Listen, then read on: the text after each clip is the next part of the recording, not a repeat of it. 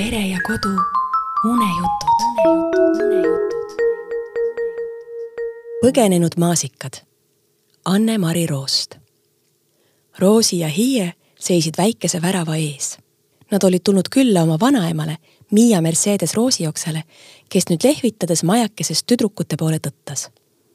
ta kutsus tüdrukuid kööki pannkooke sööma, oli neil ju pikk autosõit selja taga.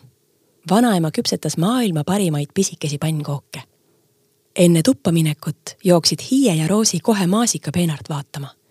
Nad lootsid, et sealt piiluvad punased marjad, mida pannkookide juurde maitsvaks toormoosiks teha. maasikapeenar oli aga täiesti tühi. tüdrukud seisid hetke kahe pika mullase vao juures ja jooksid siis tuppa vanaemale oma muret kurtma. maasikaid polegi, milline õnnetus tüdrukute suureks pettumuseks teatas vanaema Miia, et maasikad ei taha enam aias kasvada. Nad on puhta metsikuks kätte läinud, sest keegi pole neid kasvanud ega rohinud. võtsid jalad alla ja kõndisid kõik metsa poole, näitas vanaema käega maja taha. maasikaid tuleb teil nüüd endil metsast korjata, ütles ta, kui te nad üles leiate ja kätte saate, aga pannkoogid on minu poolt. tüdrukud pidasid hetke aru ja otsustasid, et nii ei saa seda lugu jätta. kuidas saab pannkooke ilma maasikateta süüa? Nad plaanisid maasikatele näidata, et aitavad vanaemal nende eest hoolt kanda. Nad läksid kiiresti peenra juurde ja tegid selle umbrohust ilusti puhtaks, et maasikatel oleks hea koju tulla.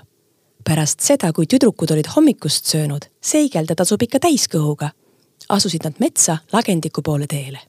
rada lagendikuni ei olnud pikk ja tüdrukud jõudsid peagi kohale. kõigepealt istusid nad kibuvitsa põõsa taha ja piilusid sealt tagant, kas maasikaid on näha. nii igaks juhuks, et mitte neid ehmatada vaata seal nende kollaste lillede juures, sosistas Roosi. Hiie märkas kohe maasikalehti, mis kobaras koos ringi liikusid, siin-seal paistsid ka punased marjad. tüdrukud arutasid, et kõige parem on need maasikatele näidata ja neid sõbralikult koju tagasi kutsuda. niisiis astusid nad põõsa tagant välja. maasikad ehmatasid tüdrukuid nähes ja tardusid liikumatuks. Nad lootsid, et neid ei märgata.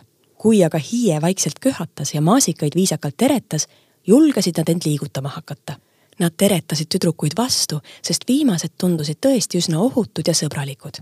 Roosi küsis ettevaatlikult. kas te ei tahaks tagasi vanaema juurde elama tulla? me lubame, et aitame teie eest hoolt kanda. maasikad raputasid pead ja pahandasid läbisegi. me teame küll, kuidas selle lubamisega on. kohe läheb meelest ära, kui vanaema teid tagant ei utsita. Hiie nõustus ja lisas ausalt vahel me unustame küll, kui me päev läbi tegutsemisest väsinud oleme, aga me paneme omale külmkapi peale sildi, et meelest ei läheks. maasikad läksid tihedasse kobarasse kokku ja arutasid, mida teha. otsustavaks sai jutt sildist külmkapi peal. maasikad ei teadnud, mis on silt ja mis on külmkapp, aga see kõlas tähtsalt. üsna varsti tuli üks maasikataim tüdrukute juurde ja ütles oleme otsustanud, me tuleme vanaema juurde tagasi, kui teie jutt vastab tõele meie anname oma maitsvaid marju süüa, teie aitate meil kasvada. see on meie arvates täitsa aus kaup. Hiie ja Roosi rõõmustasid ning kinnitasid, et just nii saabki olema.